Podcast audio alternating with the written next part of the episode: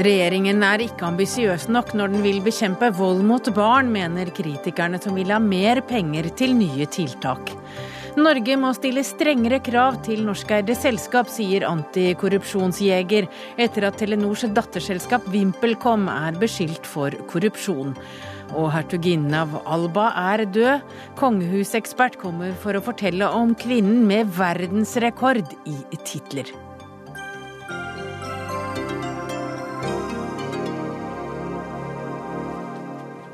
Velkommen til Dagsnytt 18. Jeg heter Hege Holm. I dag har altså regjeringen lagt fram en plan for hvordan den vil bekjempe vold og overgrep mot barn og ungdom. Ifølge Justisdepartementet blir 100 000 barn utsatt for eller vitne til vold hvert år. Og Unicef mener altså at ett barn i hver skoleklasse eller et barn i hver barnehagegruppe utsettes for vold eller overgrep. Og Lene Vågslid, du sitter i justiskomiteen for Arbeiderpartiet. Og hva syns du om tiltaksplanen? Planen som kom i dag? Nei, Dette ser dessverre ut til å bli en plan for de gode intensjonene. Det er en god plan, men det er bekymringsfullt at ikke det blir fygd opp med, med, handling. Når det eksplisitt stand i, i, tiltakslista at alle tiltak skal eh, dekkes innenfor eh, budsjettet som nå ligger, så, så blir dette her en prioritering på papiret og ikke i handling. Eh, og jeg savner at en faktisk styrker satsinga på vold i nære relasjoner, vold mot barn, i statsbudsjettet, slik at en kunne fygd opp disse gode intensjonene. Men, men hva burde de prioritert å gi penger til? Hva mener du er det viktigste? Nei, jeg mener helt klart at regjeringen burde prioritere barnehus. Nå har barnehus vært øremerkt på justisbudsjettet de siste åra. I år så er det ikke lenger en prioritert oppgave på justisbudsjettet. Arbeiderpartiet foreslår å øremerke 100 millioner til barnehusa, eh, som er en styrking på 40 millioner ifra i fjor. Eh, jeg er skuffa over at ikke justisministeren tydeligere tar kampen på vegne av disse barna. Jeg vil gi honnør til Solveig Horne, som ofte eh, snakker om det, men det virker som at Horne er ganske alene i regjering når det gjelder å kjempe for å bevilge midler til disse gode tiltakene. Ja, statssekretær eh, Kai Morgen Terning, du er eh, sendt ut i krigen. Eh, du, sitter, du er i Barne-, likestillings- og inkluderingsdepartementet. og Det er altså ett av de fire departementene som står bak planen. Og det kommer med hele 43 tiltak, men nå hører du Vågslid sier hva er vitsen med alle tiltakene når det ikke følger penger. Hva sier du til det? Ja, først vil jeg si at jeg er veldig stolt over denne planen som jeg har lagt fram i dag. Det er som du sier 43 punkter, tiltak, som, eh, som er målretta for å bekjempe eh, vold og overgrep mot barn og unge i Norge. Eh, og Så må jeg jo kommentere noen av disse eh, anklagene som kommer. For det er jo slik at eh, ja, det står i planen vi skal ta eh, disse tiltakene innenfor de rammene som er innenfor budsjettet. Men det står også i den samme strategien om, på dette området som den forrige regjeringen la fram i på høsten i fjor. Så jeg, jeg føler at vi, altså Dette er for viktig tema til å bare begynne å ha sånn politisk spill om det. Det er helt normalt å skrive det i planene, men vi er forpliktet til å følge opp disse punktene. Både i det daglige arbeidet vi gjør, og i de kommende års budsjetter. Og vi viderefører satsingen på barnehusene. Vi gir 200, kroner, 200 millioner mer til kommunene, til helsestasjonene, slik at de kan avdekke og forebygge vold og overgrep mot barn og unge. Vi også gir også 15 millioner kroner mer til familiekontorene til neste år. Så vi har en satsing, og den satsingen kommer til å fortsette daglig i det arbeidet vi gjør, og i tillegg til neste års budsjettene. Og Dette er det tverrpolitisk enige om, at dette er et viktig område, og vi følger opp. Ja, Vågslid, reagerer du kun på refleks? Nei, på ingen måte. Eh, og det er jo slik at dette handler ikke om et politisk spill. Dette handler jo om at eh, vi som virkelig er opptatt av disse tiltakene, vi må ta ansvar for at det følger midler med til det. Og For å bruke ett eksempel, så sier jo statssekretæren her at det blir bevilga 200 millioner til skolehelsetjenesten. Men det regjeringen gjør, er jo at de bevilger disse her inn i kommuneramma. Og den erfaringen vi gjorde når vi satt i regjering, var at hvis en ikke øremerker disse midlene, så blir de midlene fort bruka til andre formål. Så i tillegg til at jeg er kritisk til at tiltaksplanen skal fyges opp etter gjeldende budsjettrammer, så er jeg bekymra for at en del av det som de omtaler som satsinger, ikke sat, blir satsinger fordi at en ikke f.eks. øremerker de 200 millionene til skolehelsetjenesten. Ja, men, men, men, nå er vi igjen tilbake igjen hva den forrige regjeringen gjorde. Eh, forrige regjeringen men burde snakket om din regjering. Den forrige regjeringen satte av 180 millioner mer i, i inneværende år til helsestasjonene. Da øremerker en heller ikke. Vi forventer at, kommun vi forventer at eh, kommunene eh, bevilger de pengene til helsestasjonene. Eh, de siste ukenes tragiske saker har vist at det er ikke bare regjeringen som må, eh, som handler her. Det må kommunene også gjøre. Nå gir vi de penger og ressurser til å følge opp videre, og det vi forventer vi at de gjør.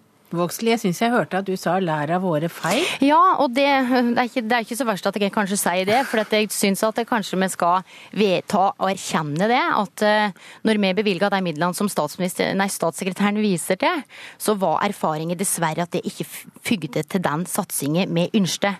Og da mener vi, som òg SV tar til orde for, at de midlene bør øremerkes. Og så mener vi jo òg at det er ikke godt nok å videreføre videreføre eh, satsinga på barnehus. Vi mener at vi må styrke satsinga på barnehusa. Det er jo en grunn til at det er ventetider nå på barnehusa. Det er jo fordi at flere anmelder overgrep og vold mot barn. Det er bra. Flere barn eh, trenger eh, tilbud på barnehusa. Stortinget har vedtatt nå, etter forslag fra Arbeiderpartiet, at bruken skal gjøres obligatorisk. Det er ikke gratis, og det håper jeg stats, eh, statssekretæren merker seg. Ja, Det er jeg helt enig i. og Vi har pågående arbeid nå med å forbedre arbeidene ved barnehusene. Jeg vil eh, rose for regjeringen som oppretter barnehusene. Vi kutter ikke, vi viderefører støtten. Og Hvis vi ser nå i det pågående arbeidet at det er nødvendig mer ressurser, så kommer vi tilbake igjen det i de påfølgende budsjettprosessene. Her er det en enighet om at dette området må prioriteres. og som sagt, Her må vi jobbe både i daglige arbeidet, men også i de kommende budsjettene. Det kommer mer midler på disse områdene. Og vi har flere i studio. Ivar Stokkereit, du er jurist i Unicef Norge. Eh, du er en av de som mener at regjeringen med denne planen bare ikke går langt nok. Hva er det du savner?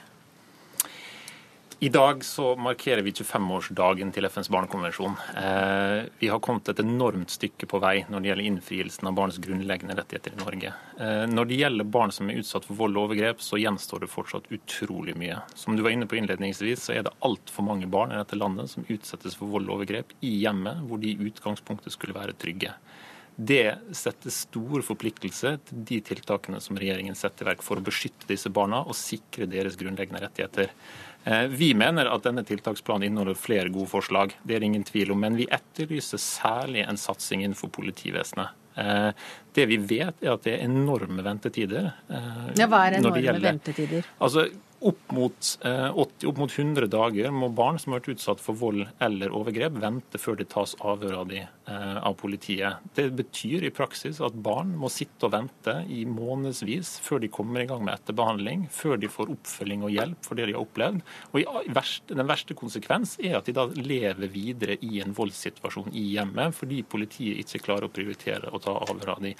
Og Vi hadde forventa at man i denne tiltaksplanen ja, Hvor lenge mener du er naturlig at man eh, kan vente? Vi i Unicef Norge mener at alle avhør av barn utsatt for vold og overgrep skal tas inn en uke. Det er mulig å få til dersom man, gjør, dersom man, prioriterer disse sakene i politiet. Men det krever at man har en ordentlig politisk satsing og vilje til eh, å prioritere disse sakene foran andre saker som politiet gjør. Fra 100 dager til en uke? Ja, vi, vi, har som sagt et pågående arbeid med å forbedre arbeidet som gjøres på barnehusene. Og vi er helt enig at den altså ventetiden for barn som skal inn på avhør, må ned. Det er uverdig at man må vente flere uker. Den skal ned. Eh, men så vil jeg også si at eh, jeg setter pris på at Unicef er kritiske og eh, forventer mer, og det forventer vi selv òg. at vi kan aldri lene oss tilbake igjen i dette arbeidet og si at nå har vi gjort nok. Vi er ledende internasjonalt på mange områder her. Men eh, en kan aldri si at en eh, har gjort nok. Og Vi kommer til å lage årlige rapporter på oppfølging av disse tiltakspunktene. Men for å holde oss til dommeravhør, ja. eller avhør av barn. vil dere, altså Du sier dere vil prioritere, men det er mange ting du sier du vil prioritere. Vil du prioritere det han snakker om, nemlig at barn blir avhørt før det er gått 100 dager eller 40 dager, eller Som sagt så jobber Justisdepartementet med å forbedre arbeidet på barnehusene og få ned eh, ventetiden. Så det, hva er det det står på? Nei, altså Det er jo det, det er noe av det arbeidet skal se på. og dette, Jeg kan ikke gå så mye detaljer på det arbeidet som går, eh, pågår, men det er ingen tvil om at det, dette er viktig arbeid for oss òg. Og på vegne av de barna som må vente, som bør få hjelp eh, øyeblikkelig, så er vi helt enig i, den, i det som UNICEF påpeker. Hva er det som mangler for at man kan, gå, eller for at man kan få ned tiden, ventetiden fra ja, 100 til en uke? Det vi vet, er at det i stor grad er politiets prioriteringer det står på. Eh, og vi har med noen hederlige unntak, eh, så blir ikke vold- og overgrepssaker prioritert nok internt i politiet. Eh, og Det må det en kraftig satsing til. og Da forventer vi også at justisministeren eh, tar det ansvaret og mm. sier klart fra at dette arbeidet må prioriteres internt i politiet. Det vi ser er at politiet ikke i stor nok grad klarer å prioritere dette arbeidet selv. Da må det komme klare føringer fra regjeringen. Og Vi har prøvd å få med Anders Anundsen eh, i Dagsnytt 18 i dag for å snakke om nettopp det, men han hadde ikke anledning. Du sitter og nikker, hører jeg, Vågslid. Mener du også at dette er noe av det viktigste? Ja, det her er kjempeviktig, eh, og jeg syns jo det er skuffende, eh, for å si det rett ut, at justisministeren ikke deltar i denne debatten i dag, med tanke på den massive kritikken han har fanget i løpet av dagen eh, når det gjelder et eh, manglende engasjement for disse viktige sakene. Og jeg må jo si at jeg har jo stilt spørsmål til justisministeren i Stortinget om det er slik å forstå, siden de nå formulerer at de har som mål å få ned ventetiden etter 40 dager innen sommeren, at ambisjonsnivået er, er trukket ned i forhold til tidligere. Jeg mener at For tidligere var det? Tidligere har det vært lovens krav. og det det er jo, som eh, blir sagt fra Unicefs side òg, eh, viktig at vi får til. Eh, og det virker som at justisministeren mangler det rette engasjementet for disse sakene. Jeg har lyst til å gjenta at det er bra at Solveig Horne og Barne- og likestillingsdepartementet er på, men det her er grov kriminalitet. Det er et alvorlig samfunnsproblem som justisministeren òg må engasjere seg mer i. Og da er det å få ned ventetidene er kjempeviktig, men det er òg viktig å styrke kapasiteten ved barnehusene, slik Stortinget nå har vedtatt. Og det forventer jeg at regjeringen følger opp. Du sitter og rister på hodet. Ja, nei, altså, jeg synes det, altså, Den, den fokuset har vært på at justisministeren ikke har eh, prioritert dette høyt nok i dag. Det er ikke riktig. og Han har også vært ute og uttalt Vi hadde en konferanse tidligere i dag, og der var han veldig lei seg for dette inntrykket er skapt. Han har et stort fokus på dette, i likhet med de fire berørte departementene som har lagt fram denne tiltaksplanen i dag. Hele regjeringen og eh, samfunnet for øvrig. Når vi ser disse tragiske sakene som har vært, eh, som har vært eksempler de siste ukene, så blir vi alle berørt. Vi ønsker å handle. Det ønsker min minister Solveig Horne, og det ønsker også eh, justisminister Anders Anundsen. Takk for at dere kunne komme til eh, Dagsnytt 18 i kveld. Dagsnytt 18 alle hverdager klokka 18.00 på NRK P2 og NRK2.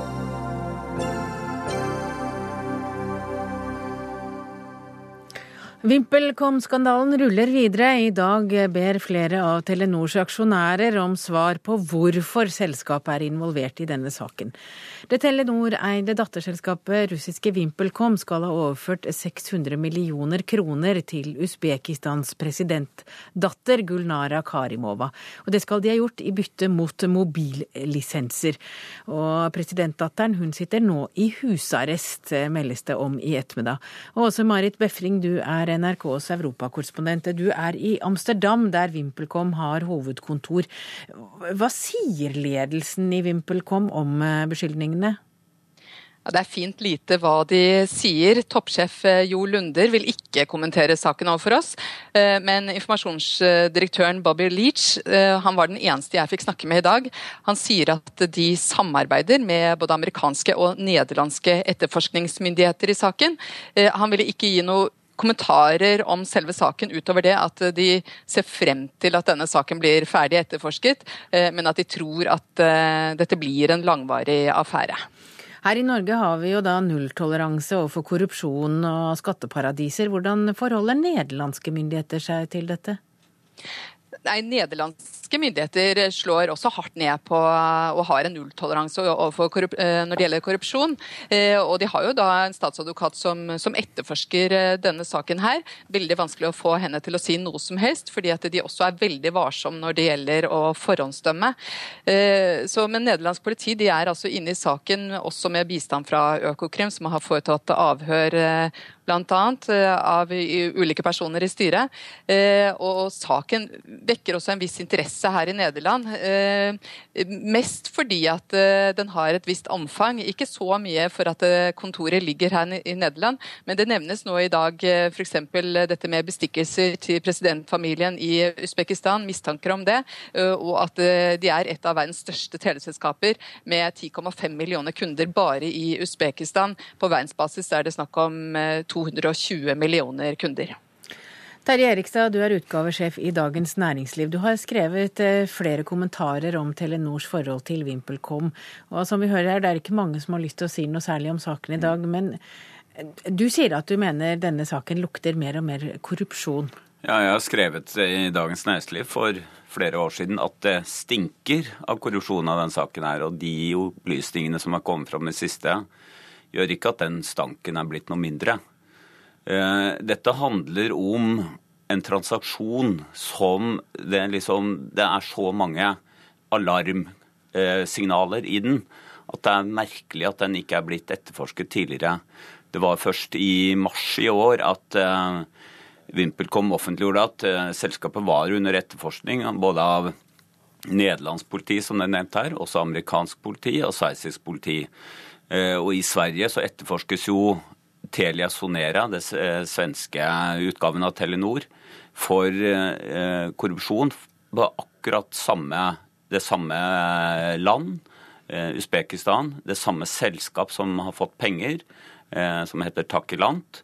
Og det, det som kjennetegner denne saken, er at VimpelCom har betalt penger til et postkasseselskap som er registrert i Gibraltar som visstnok skulle være eid av en 24 år gammel dame uten noen som helst erfaring fra telekomsektoren.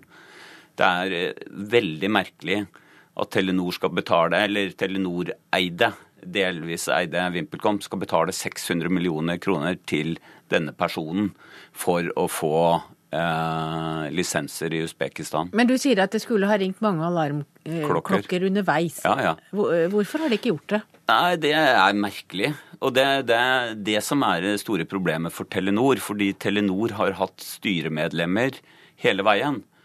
Eh, og dette er ikke en detaljsak. Dette handler om hvordan Telenors eh, investeringer eh, gjennom VimpelCom skulle gjennomføres. Fordi VimpelCom etablerte seg i de gamle sovjetområdene, som de såkalte Stan-landene, Kasakhstan, Kirgisistan, Tadsjikistan og Usbekistan. Og måten VimpelCom har operert på, er veldig lik i alle de fire landene. Dette har Dagens Næringsliv skrevet om tidligere. Hvordan de da finner en lokal partner som er hemmelig, som hjelper dem til å få lisens, som er veldig verdifull, fordi det var nesten ikke mobildekning der da de etablerte seg. Så med en sånn lisens, som jo er et si, knapphetsgode, da, har du først fått lisensen og det ikke er, er mobildekning fra før, så har du jo kjempe, et kjempekundegrunnlag. Så det er veldig lukrativt. Men de, disse lokale partnerne de opererte da med postkasseselskaper på Kypros, på Gibraltar, Jomfruøyene osv. Kjente skatteparadiser. Og det er umulig å finne ut hvem som er den reelle eieren. Og dette har altså VimpelCom gjort med åpne øyne i fire forskjellige land, med samme, på samme metode. Og der har Telenors styrerepresentanter vært med på å legge opp den strategien. Det er klart De har nok ikke vært inne i alle detaljene, men hovedstrategien eh, med å skaffe seg en lokal partner og på den måten få en lisens, den er helt sikkert diskutert i styret. Og Hvis du da ikke vet hvem den lokale partneren er, hvem, som, hvem får pengene, Eh, så er det jo klart at det er kjempestor risiko for eh, korrupsjon. Dette er land eh, uten demokratisk styresett. Det er ingen kontroll, det er ikke noe parlamentarisk kontroll osv. Så, videre. så i beste fall så er det dårlig styrearbeid? Det syns jeg. I beste fall. Morten Jentoft, du er med oss fra Moskva. Dette handler altså om mobillisenser i Usbekistan. Og, og hvorfor skulle VimpelCom bestikke en presidentdatter for å få slike lisenser? Jo, nettopp som, eh, som Terje Erikstad sa i sted her, her dreier det seg om enorme markeder. For vi skal huske på at her gikk man inn eh, og etablerte mobiltelefonselskaper i land der det faktisk nesten ikke fantes skikkelig telefondekning fra før. Altså, de, man begynte nesten på scratch her. og derfor i Usbekistan for eksempel, altså, der sitter jo da eh, altså VimpelCom sitt datterselskap allerede med ti millioner nye eh, abonnenter. Det forteller litt om det enorme markedet som har vært faktisk i hele Sovjetunionen for dem som har vært villige til å gå inn og satse her. Det har vært store pengesummer eh, som har vært mulig å tjene, og de har jo også VimpelCom eh, gjort det. Men Usbekistan er jo da eh, et av verdens mest korrupte land. Eh, jeg sjekket noen statistikker her i sted. og eh, I en som ble gjort for noen år siden, så befinner det seg på 175. plass av 179 land. Uh, Usbekistan har vært styrt helt siden Sovjetunionen gikk i oppløsning og landet ble selvstendig av én mann, Islam Karimov. og Det er altså hans datter Gulnara da, som er involvert da i denne, denne skandalen her. hun har jo selv fått en noe ublid skjebne, som det ble nevnt i starten her. Hun sitter i praksis i dag i husarrest. Men, men, Telenor sitter jo med 33 av aksjen i VimpelCom, mens hovedaksjonæren er russeren Mikael Friedmann. Hva vet du om han? Altså, det er jo da Alfa-gruppen som er en mektig, en av de aller mektigste eh, russiske finansgruppene som da er inne i VimpelCom. Og eh, Mikael Friedmann han er jo også en mann som har klart å skaffe seg ganske bra med penger. Han skal da ifølge Forbes, da dette internasjonale eh, kreditt- eller vurderingsbyrået, være Russlands neste rikeste mann og være god for eh, ja, mer enn 100 milliarder norske kroner.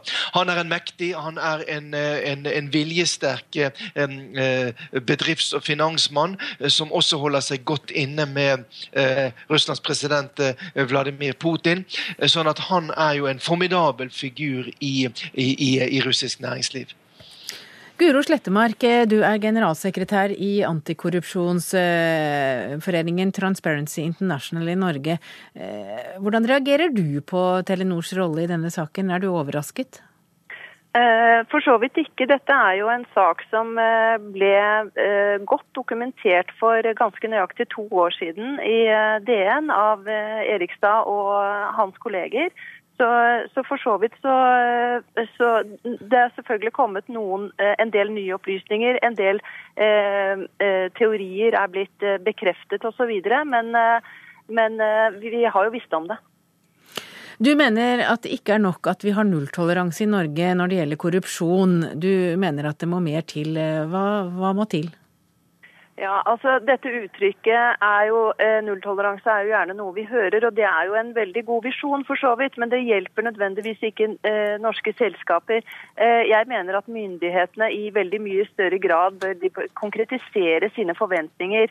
Eh, eh, vi har et eksempel på det i Storbritannia, der man veldig langt på vei har stilt helt konkrete krav til hvordan selskaper skal eh, operere, og de skal, hva de skal gjøre for å bekjempe, for å bekjempe korrupsjon. Altså Du mener vi trenger en, på en, en bruksanvisning for hvordan norske selskaper skal opptre og ikke opptre? Ja, veldig mye klarere forventninger. Mer enn å si nulltoleranse. Takk til deg, Guro Slettemark. Eh, Terje Erikstad, hva mener du må til for at ikke dette her skal gjenta seg? Ja, det grunnleggende problemet med de transaksjonene som vi nå har diskutert, er jo at den som mottar pengesummene fra VimpelCom og Telia Sonera, Sonera i dette tilfellet, ikke er kjent. Det er eh, selskaper som, eh, som, har bare egentlig formelle eiere, som bare er skalkeskjul for andre. Så det som må til, helt grunnleggende for å få has på den type korrupsjon, er åpenhet om hvem som reelt sett eier selskaper. I Norge har vi jo en god lovgivning i den forstand at alle selskaper skal være registrert med reell eier. Hvem som er egentlig beneficial owner, som det heter på engelsk. Sånn er det jo ikke i andre land. Og det er det helt grunnleggende problemet. Nå var det heldigvis en viss eh, utvikling internasjonalt. fordi de G20-landene som møttes i Australia i helga, eh, vedtok et kommuniké hvor de går inn for å eh, si, eh, fjerne den type skalkeskjulselskaper. Problemet er at eh, bare myndighetene skal få vite hvem den reelle eieren er. Det Offentligheten bør ha krav på det. For da går det an å etterprøve den type transaksjoner. Her er ikke det mulig, fordi at de, her hemmeligholdt jo VimpelCom navnet på hvem, hvilke selskap som hadde eh, fått pengene. Og det hemmeligholdt også navnet på selskapet som hadde betalt pengene. Så hemmeligholdet er, er eh, det som gjør at korrupsjon er mulig.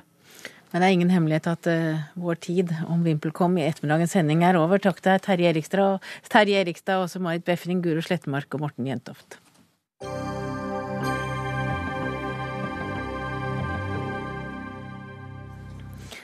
Nå skal tollsatsene for norske matvarer igjen forhandles om med EU. Debatten den gikk jo høyt forrige gang. Det er vel omtrent to år siden, da tollsatsen på ost og kjøtt ble endret, den såkalte ostetollen. EU synes det ble for dyrt, og nå krever de omkamp. Og Vidar Helgesen, du er EU- og EØS-minister. Du er ikke overrasket over at EU nå ønsker lavere satser. Hvorfor ikke? Poenget er jo at Forrige gang så var det ikke så mye debatt om selve forhandlingene med EU, men det ble veldig mye debatt da min sidemann her, Trygve Slagsvold Vedum, ensidig etter forhandlingene innførte ostetollen. Det var ikke en del av forhandlingene med EU, men det skjedde like etterpå. Og det skjedde i en situasjon hvor uh, EU var i en dyp økonomisk krise. Og EU-landene, og for så vidt G20-landene, var blitt enige om at denne økonomiske krisen måtte man håndtere uten proteksjonisme. Og så kommer et av verdens rikeste land og innfører ensidige proteksjonistiske tiltak. Og det er grunnen til at dette vakte veldig sterke reaksjoner.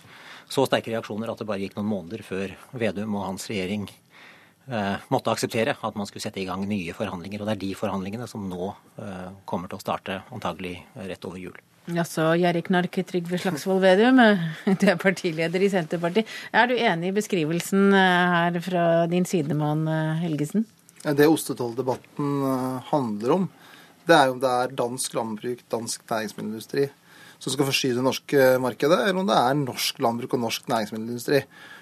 Med de over 40 000 arbeidsplasser vi har i næringsindustrien rundt omkring i hele Norge, og min regjering og vi i Senterpartiet vi ønsker å stå opp for de arbeidsplassene og sikre at vi skal ha verdiskaping i Norge, og at det er den norske regjeringa sin oppgave. Problemet med dagens regjering eh, er jo at de står opp for EUs interesser, ikke norske interesser. Og det er jo helt unikt at en regjering er mer opptatt av å fremme danske næringsinteresser enn norske næringsinteresser. Og jeg kan ikke forstå at Vidar Helgesen bruker så mye kraft, så mye energi, på å undergrave sin egen forhandlingskraft mot EU hvis en ikke da har som et ønske å redusere norsk landbruk, redusere norsk næringsmiddelindustri, og da undergrave det som over tiår har vært norsk politikk, at vi ønsker et levende land med arbeidsplasser og industri rundt omkring fra Finnmark i nord til Agder i sør. Det er klart Vi har noen uenigheter om norsk landbrukspolitikk, eh, og det vil farve også vår tilnærming til disse forhandlingene. Men det er jo ingen tvil om at vi skal kjempe for norske interesser, også i landbruksforhandlingene. Men så er det jo sånn at det er ikke bare de 40 000 arbeidsplassene i eh, landbruksrelatert industri som dette dreier seg om, eller landbruket det dreier seg om.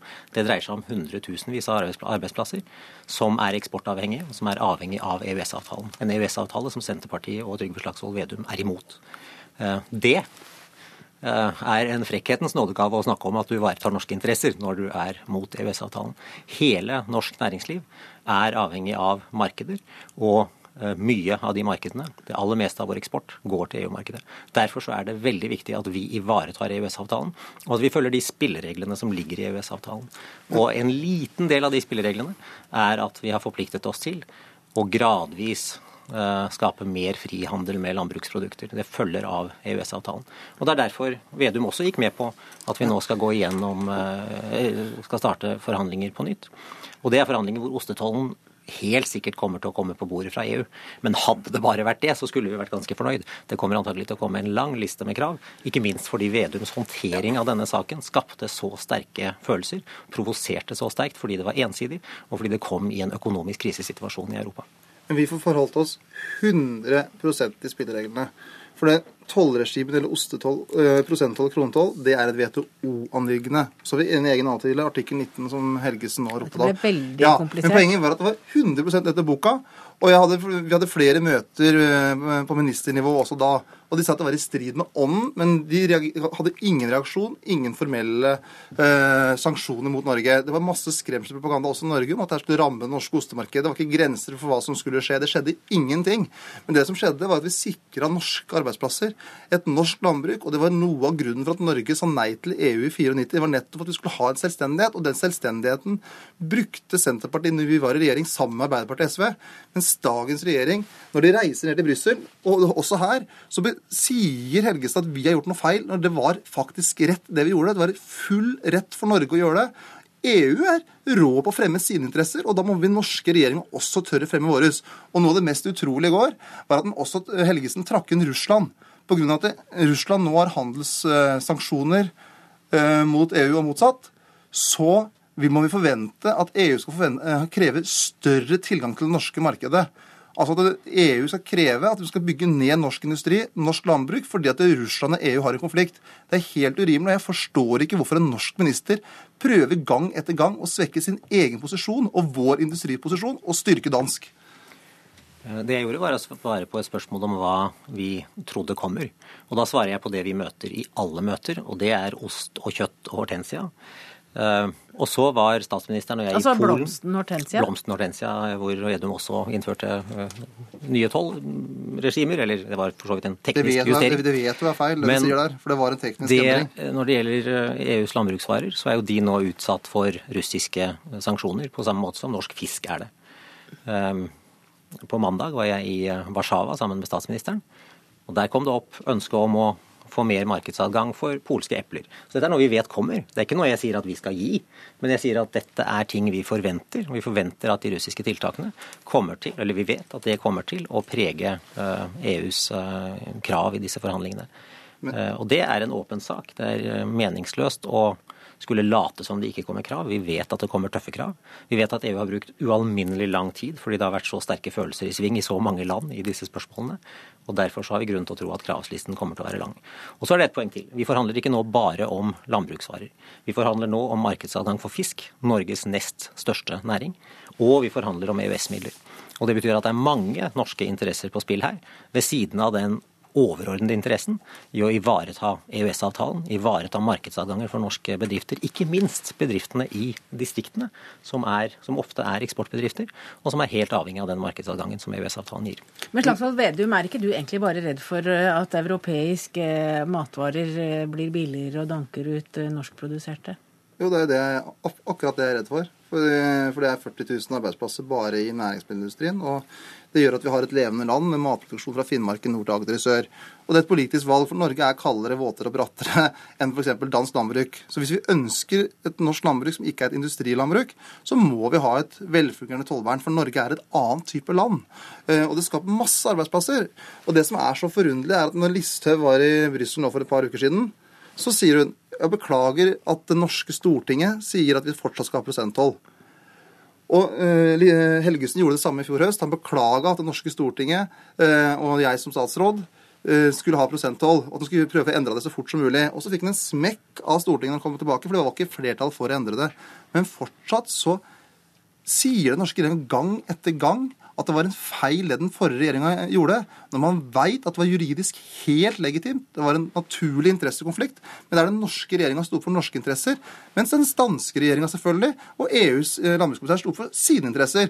Og Det er jo helt naturlig handelspolitikk at man har interessekonflikter, men det som er så rart her, er at den norske regjeringa gjør alt den kan for å undergrave norsk landbruk og norsk industri. Ja, men skal Vi la, vi har ikke så lang tid igjen. Skal du svare på det, Helgesen? Er ikke du like opptatt som Slagsvold Vedum av å, å bevare norsk landbruk og norsk matproduksjon? Jeg er opptatt av å bevare norske arbeidsplasser i norske bedrifter over hele landet. Og det er også i landbruket, men ikke bare i landbruket. Vi har et stort næringsliv som trenger EØS-markedet. Og og da er du redd for at hvis vi blokkerer et sted, så blir vi blokkert et annet sted? Her er det jo viktig for oss å vise at vi ønsker EØS-avtalen. EØS-avtalen er ikke det EU-byråkrater og EU-politikere tenker på når de går til jobb på morgenen. Det er en avtale som er viktig først og fremst for Norge. Og det Vedum bør tenke på, er at den ukloke politiske håndteringen hans av ostetollen, det at det kom som en bombe på EU kort tid etter at han hadde forhandlet eh, med EU om landbrukshandel, det gjør at vi nå får jo sterkere krav. Og når du er opptatt av langsiktige, stabile rammebetingelser, ja da må du også arbeide langsiktig og stabilt med våre viktigste handelspartnere og våre viktigste avtalepartnere.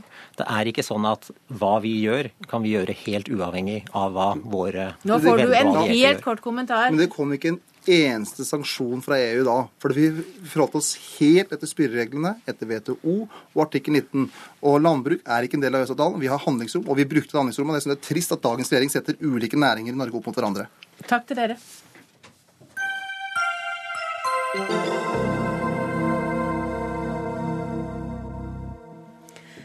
I dag har hundrevis av, hundretusenvis av meksikanere tatt til gatene for å vise misnøye med det korrupte statsapparatet.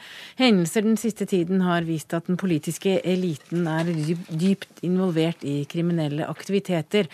Det skriver du, Benedicte Bull. Du er førsteamanuensis ved Senter for utvikling og miljø. Og eh, kan du forklare hva det er som har kommet frem? Det, det som er kommet frem, er helt konkret i en sak der 43 studenter er eh, forsvunnet, høyst sannsynligvis drept, og i tillegg til tre av deres medstudenter som ble skutt i utgangspunktet.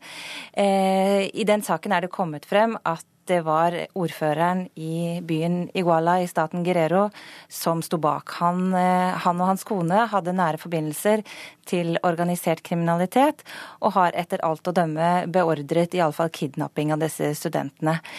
Eh, og det er også kommet fram at delstatsguvernøren har visst om hans eh, koblinger til organisert kriminalitet, og at alt dette er blitt sett gjennom fingrene med på mange nivåer i Mexico. Og det har på en måte blottlagt det som meksikanere har på en måte visst, eller mistenkt sterkt i mange år, at det er tette bånd mellom eh, politikere, særlig lokalpolitikere, og organisert kriminalitet. Men når de da tyr ut i gatene slik de har gjort i dag, eh, hvilken virkning har det? Eh, At noen få demonstrerer i Mexico, det har liten virkning. Det skjer hele tiden. Men det som har skjedd nå, er at eh, store deler av den meksikanske befolkningen nå er så eh, opprørt over all volden de har sett gjennom de siste åtte årene, i alle fall. Eh, Og at den historien som de har blitt servert av myndighetene, at dette er oppgjør mellom narkobander og vår kamp mot, mot narkobandene, den historien tror de på. Nei, tror de ikke lenger på. Og det har opprørt store deler av befolkningen. Nå er det altså eh, frisører og butikkarbeidere og alle mulige slags folk som er ute i gatene og protesterer, ikke bare de, de vanlige som alltid demonstrerer i, i Mexico. Men hva kan det få av konsekvenser? Ja, det er jo høyst usikkert. Altså, det ene er jo at det er en veldig sammensatt bevegelse. Dette er et sånn spontant raseri som får uttrykk, som har fått uttrykk i mange uker, men som nå er det, blir, er det massemobiliseringer i dag i forbindelse med at dette er dagen som, marker, som markerer begynnelsen på den meksikanske revolusjonen 20.11. Eh, hvis dette fortsetter og blir mobiliseringer over hele Mexico, så, det, så blir det en ustabil situasjon. Eh, kanskje kan de få igjennom reformer. Mange krever nå at presidenten går av. Det har vel aldri før skjedd i meksikansk historie at en president er gått av på den måten. Så det er vel relativt lite sannsynlig. Det positive scenarioet er hvis det kan tvinge fram reformer, at, myndighetene eh, setter ned en sannhetskommisjon, at de går grundig gjennom denne saken og mange andre saker. Men jeg vil tro at hvis det er korrupsjon som er langt fremskredet, så er det jo veldig vanskelig hvis det er mange som gjør seg nytte av det på toppen. Det er veldig vanskelig. Det er vanskelig å se hvordan dette kan løses eh, på en måte umiddelbart. Man kan jo heller se for seg at volden kan eskalere, for selv om demonstrasjonene i dag og de som har vært, har begynt fredelig, så har det vært en del voldsbruk. Fordi Mexico er, som jeg også skriver, et lappeteppe av ulike væpnede aktører. Men, men, du skriver i kronikken at verden tolket voldsbølgen som en kamp mellom og mot kriminelle Det er vel det det er? Det er en del av bildet. Det som har skjedd, er at det meksikanske statlige systemet har vært eh, korrupt veldig lenge. Og så fikk man en demokratisering sånn gradvis fra 80-tallet og fremover. I 2000 fikk man for, for, første gang på 71 år en regjering som var eh, styrt av noe annet enn det eh, institusjonelle revolusjonære partiet. Og det gjorde at man fikk en oppløsning av gamle autoritetsstrukturer, men utviklet et demokrati som ble på mange måter en markedsplass der, der innflytelse kunne kjøpes og selges eller fremtvinges ved vold. Dette skjedde samtidig med at de meksikanske organiserte kriminelle gruppene fikk kontroll med kokainhandelen fra Colombia til USA, eh, i tillegg til marihuana og, og heroinhandel, som de alltid har drevet med, og styrket sin eh, posisjon. Sånn at de ble viktige aktører i et ganske nytt politisk spill i Mexico. Så dette er jo selvfølgelig koblet til narkohandelen, men det er altfor enkelt å tolke det som en narkokrig. Dette, dette har dyp forankring i eh, en korrupsjonskultur og en elitistisk, eh, meksikansk, et elitistisk meksikansk politisk system. I dag har altså hundretusenvis eh, gått ut i gatene. Eh, hva tror du vil skje nå? Det er veldig vanskelig å si. Denne bevegelsen som går ut i gatene, mange bevegelser, mange grupperinger, det er få naturlige ledere. Det er noen få modige prester i den katolske kirken som har fremstått som ledere. Eh, men det er mange eh, mindre organisasjoner som kommer til å prøve å vinne politisk mynt på det, det raseriet som, som, folket føler nå. Eh, så hva som kan skje, det syns jeg er veldig uklart. Presidenten har gått ut og manet til ro. Han er redd for ustabilitet i Mexico. Det bør også også omverdenen, i hvert fall USA, være veldig bekymra for. Takk til deg, Benedicte Bull, førsteamanuensis ved Senter for utvikling og miljø. Hør Dagsnytt 18 når du vil. Radio NRK Radio.nrk.no.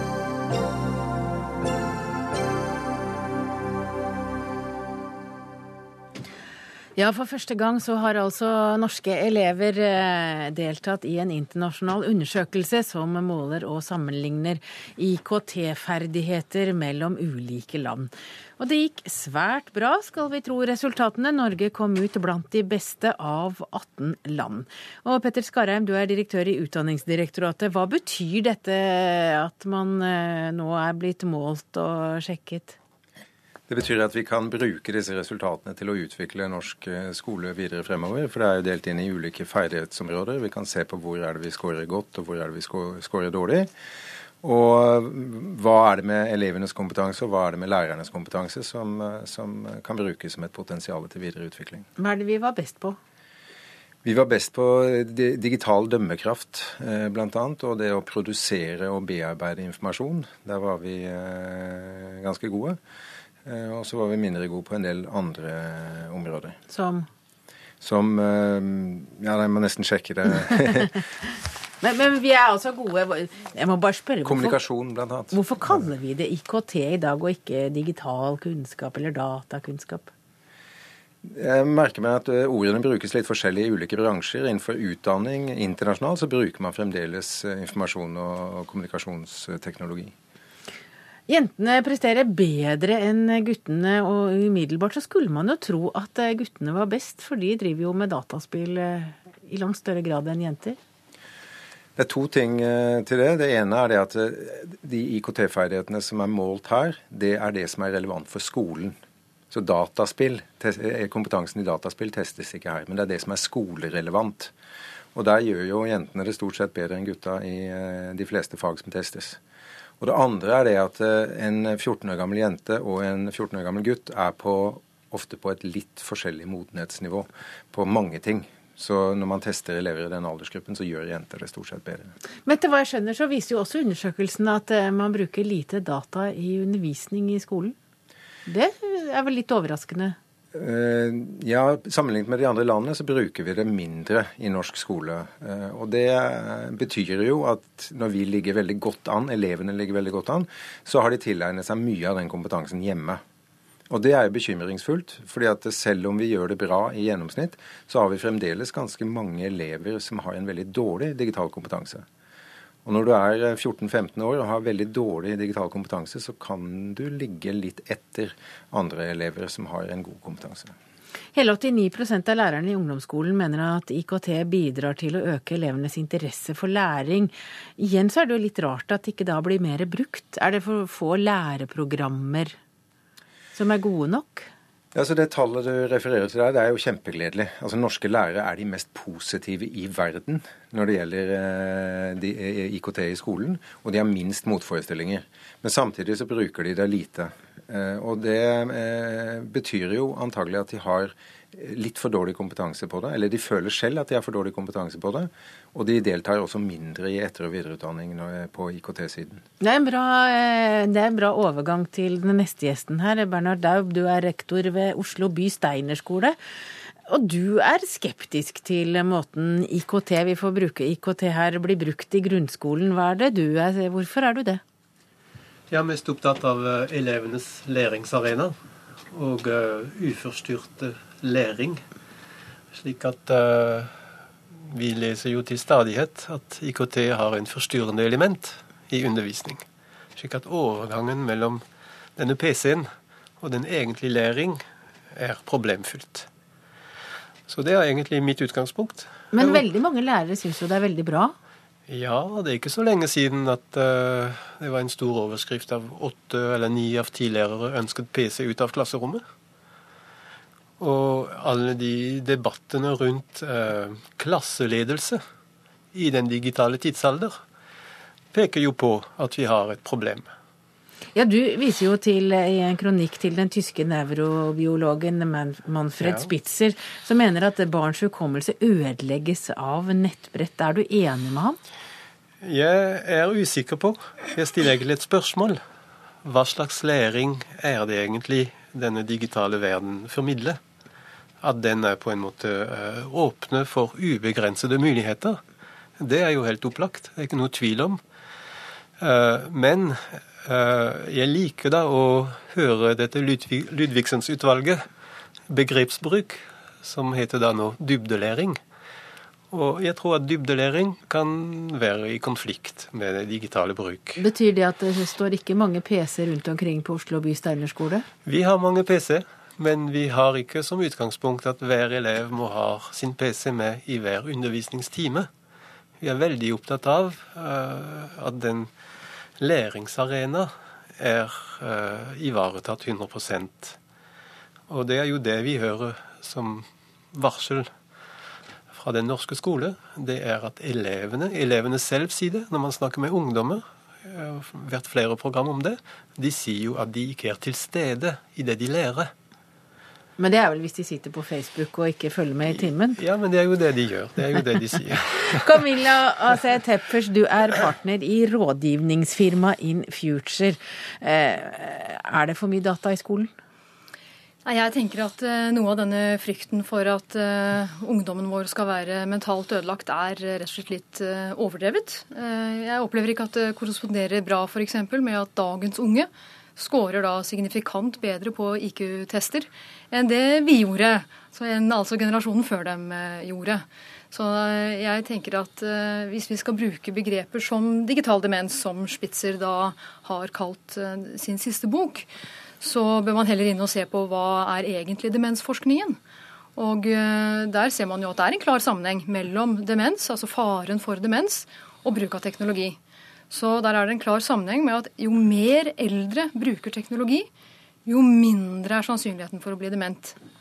Så den konflikten som settes opp mellom teknologi på den ene siden og mennesker på den andre, føler jeg blir eh, uheldig. Jeg tenker tvert imot at vi bør se nå har vi teknologi her. Eh, kan vi våge å tenke nytt? Kan vi tenke at vi kan eh, bruke pedagogiske metoder som utnytter denne teknologien? Ikke til å la barna spille 18 timer i døgnet, som Spitzer har sett på, men å la de lære seg på en annen måte. Og jeg har vært litt inne på én metode som jeg tror er eh, absolutt spennende. og Det handler om å snu klasserommet på hodet. Og Da tar man eh, rett og slett utgangspunkt i at istedenfor at du foreleser i klasserommet, så ser man en video av forelesningen. Så tar man en prøve av hvor mye har du da lært? Og det kan gjerne være en egenevaluering fra eleven selv. Det er for øvrig noe som elevene skal gjøre i henhold til undervisningsloven. Og så kan du ha individuell undervisning i klasserommet. Og den blir individuell på to måter. Delvis ved at eh, det er den delen av pensum du har vanskeligheter med, som læreren veileder deg i. Det tror jeg er svært nyttig. Og delvis ved at du også kan eh, bruke ulike undervisningsmetoder i parallell. Noen lærer bedre av å se forelesningen mange ganger, noen vil gjøre oppgaver, noen vil være i gruppearbeid med hverandre, eh, lære av hverandre. Og det kan du ha i parallell, for du får bedre tid når du hjelper deg med digitale læremidler i tillegg. Hva tenker du om det? Synes du dette høres ut som en god og spennende idé å prøve ut på Steinerskolen? Ja, det høres jo spennende å utprøve ulike uh, pedagogiske metoder. Det må vi absolutt gjøre. Uh, som sagt, mitt utgangspunkt er nærhet til uh, eleven i en undervisningssituasjon, og at eleven får en nærhet til fagstoff. Men føler ikke veldig mange unge i dag at, eh, at PC-en eller smarttelefonen eller hva de har for hånden, er en del av kroppen nærmest? Ja, og derfor er det ikke nødvendig å ha det på skolen. Kan legge det til side. Er du enig i det? Det er veldig mange debatter som sauses sammen her. Det at elevene sitter på Facebook i timene, det kan eh, skolen og lærerne og, eh, godt regulere. De kan få det ut. Det, det, dette dreier seg om, er at skolen må lære elevene om den viktigste arenaen for å innhente informasjon, bearbeide informasjon, kommunisere med andre mennesker, som hele resten av samfunnet er bygget på. Det må være skolens mandat. Og, og, og det er like viktig som å lese eh, og regne og kunne forholde seg til digitale eh, medier i 2014. Eh, det er den ene biten av det. og Den andre biten er det som Camilla er inne på, det er at du kan bruke IKT aktivt i den pedagogiske virksomheten. Matematikk f.eks. Kjempepotensialet til å drive tilpasset opplæring i matematikk via IKT. Og det potensialet er overhodet ikke tatt ut. Er det det som kanskje er litt problemet i dagens skole? At det er litt usikkerhet om hva man kan bruke det til i undervisning? Ja, og det er ikke så rart, fordi det er ikke så veldig mange årene siden det ikke fantes så mye god pedagogisk software på, eh, tilgjengelig for skolene. Men dette har eksplodert. Nå finnes det masse. Og det er mange skoler i Norge som tar det i bruk. Jeg har selv vært på skoler hvor de sitter og, og deler av undervisningen er på en PC, hvor de driver med mattestykker, og hvor elevene driver på vidt forskjellig nivå. Og de sikrer nivåene etter hvert. Det er tilpasset opplæring på en utmerket måte. Istedenfor at de svake elevene skal sitte og ikke skjønne noen ting, så sitter de og jobber aktivt. Og de flinke elevene får lov til å drive på sitt nivå. Så dette er kjempepotensialet i veldig mange fag, og det eksploderer nå på, på software-siden internasjonalt, også i, Norge, også i, Norge, Veldig mye bra fra Norge. Eh, sånn at dette, dette, ser vi bare i begynnelsen på. Når mener du at, eh, at barn og unge bør møte den digitale verden i skolen? Ja, altså i hvert fall ikke fra barnehage av. Altså jeg mener Hele den diskusjonen som vi har med disse nettbrettene allerede i barnehage, det er, syns jeg, for tidlig. Men, men, samtidig, altså Barn lever jo i denne verden hele tiden. Og jeg er helt enig med direktøren. Det er jo klart at de må lære å forholde seg til denne, denne verden, og lære å bruke den. Men det lærer de på privaten. Like det, men, men det, er ikke nødvendigvis skolens oppgave. Men mener du at skolen ikke skal uh, Jo, du skal bruke det, og bruke den, eh, den uh, grensesprengende situasjonen som denne teknologien gir. Men ikke bare. Det skal ikke bare være som, som pedagogisk ideologi, men som et redskap. Og problemet er at det er blitt ideologi. Er du enig i det? Nei, jeg føler egentlig at skolen klemmer nesten på motsatt sted. Ja, altså. Jeg tenker at uh, ved at vi ikke kan nok om hva teknologien faktisk kan by oss av muligheter, så våger vi ikke å tenke nytt. Vi lager ikke tilstrekkelig innovasjon. Så det blir en digital bok gir jo ikke noe nytt. Det er jo når vi lager pedagogiske nye løsninger at vi får noe nytt. Og da må vi hive oss litt utpå med entusiasme, tror jeg, for å virkelig utnytte mulighetene. Og Det er der kanskje kjernen ligger. Takk for at dere kom til Dagsnytt 18 i kveld.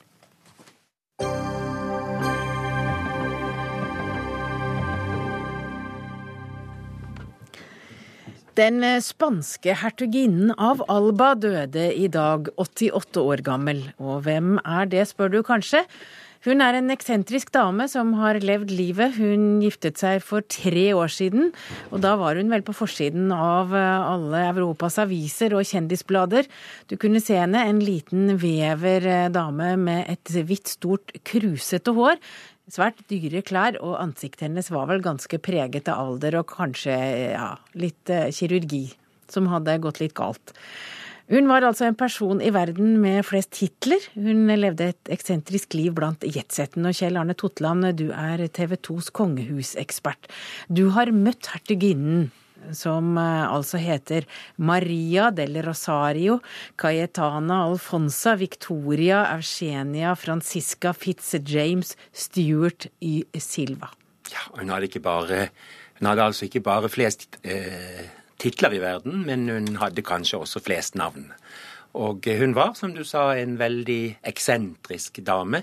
Eh, det er klart dette spesielle utseendet hun hadde de senere årene, var kanskje et utslag av at hun var veldig vakker som ung.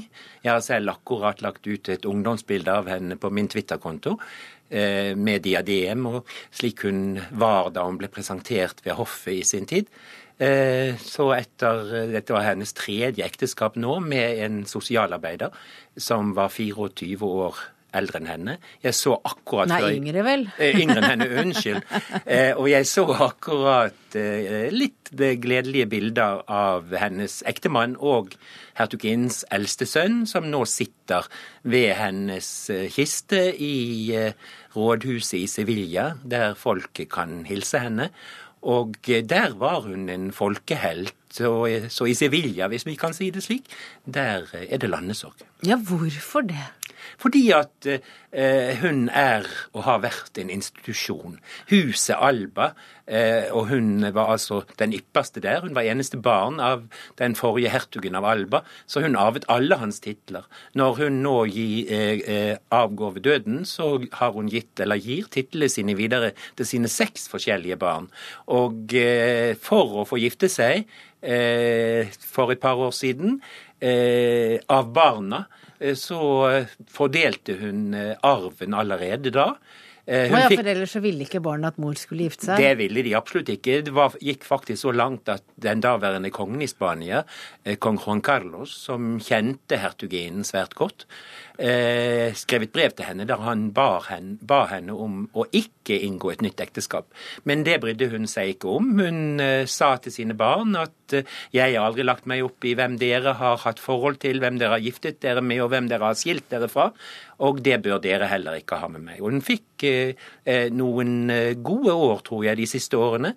Og det, det var jo like en kjekkas hun giftet seg med, da. Ja, 65 år. Men det er klart, i forhold til en 88 88 år gammel dame, så, eh, så blir han eh, en kjekk yngre mann. Og eh, jeg vet ikke hvorfor han festet seg ved hertuginnen. Som hun sa, det var ikke pengene, han elsker meg. Og det kan virke som han hadde en helt spesiell godhet for denne hertuginnen, som har vært en institusjon i Spania i alle år.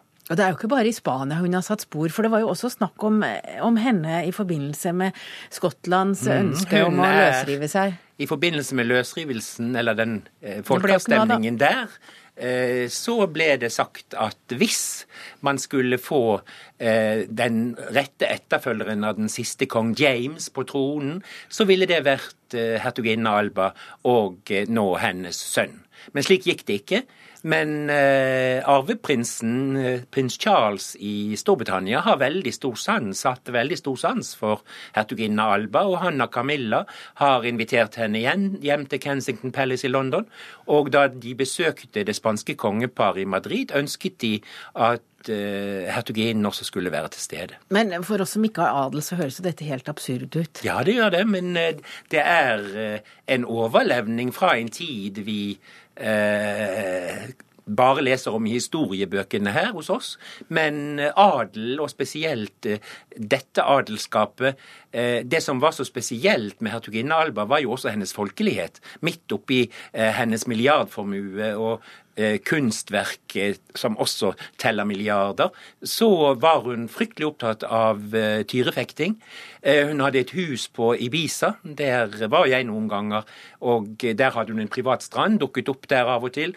I flagrende gevanter og hippiesmykker. Og det jeg var fascinert av den gangen, det var at hun gikk med smykker rundt anklene, og det hadde ikke jeg sett før. Men siden så ble jo det mote. Hvordan var hun? Nei, jeg vil ikke påstå at jeg kjenner henne, men hun var eksentrisk og eh, farveglad.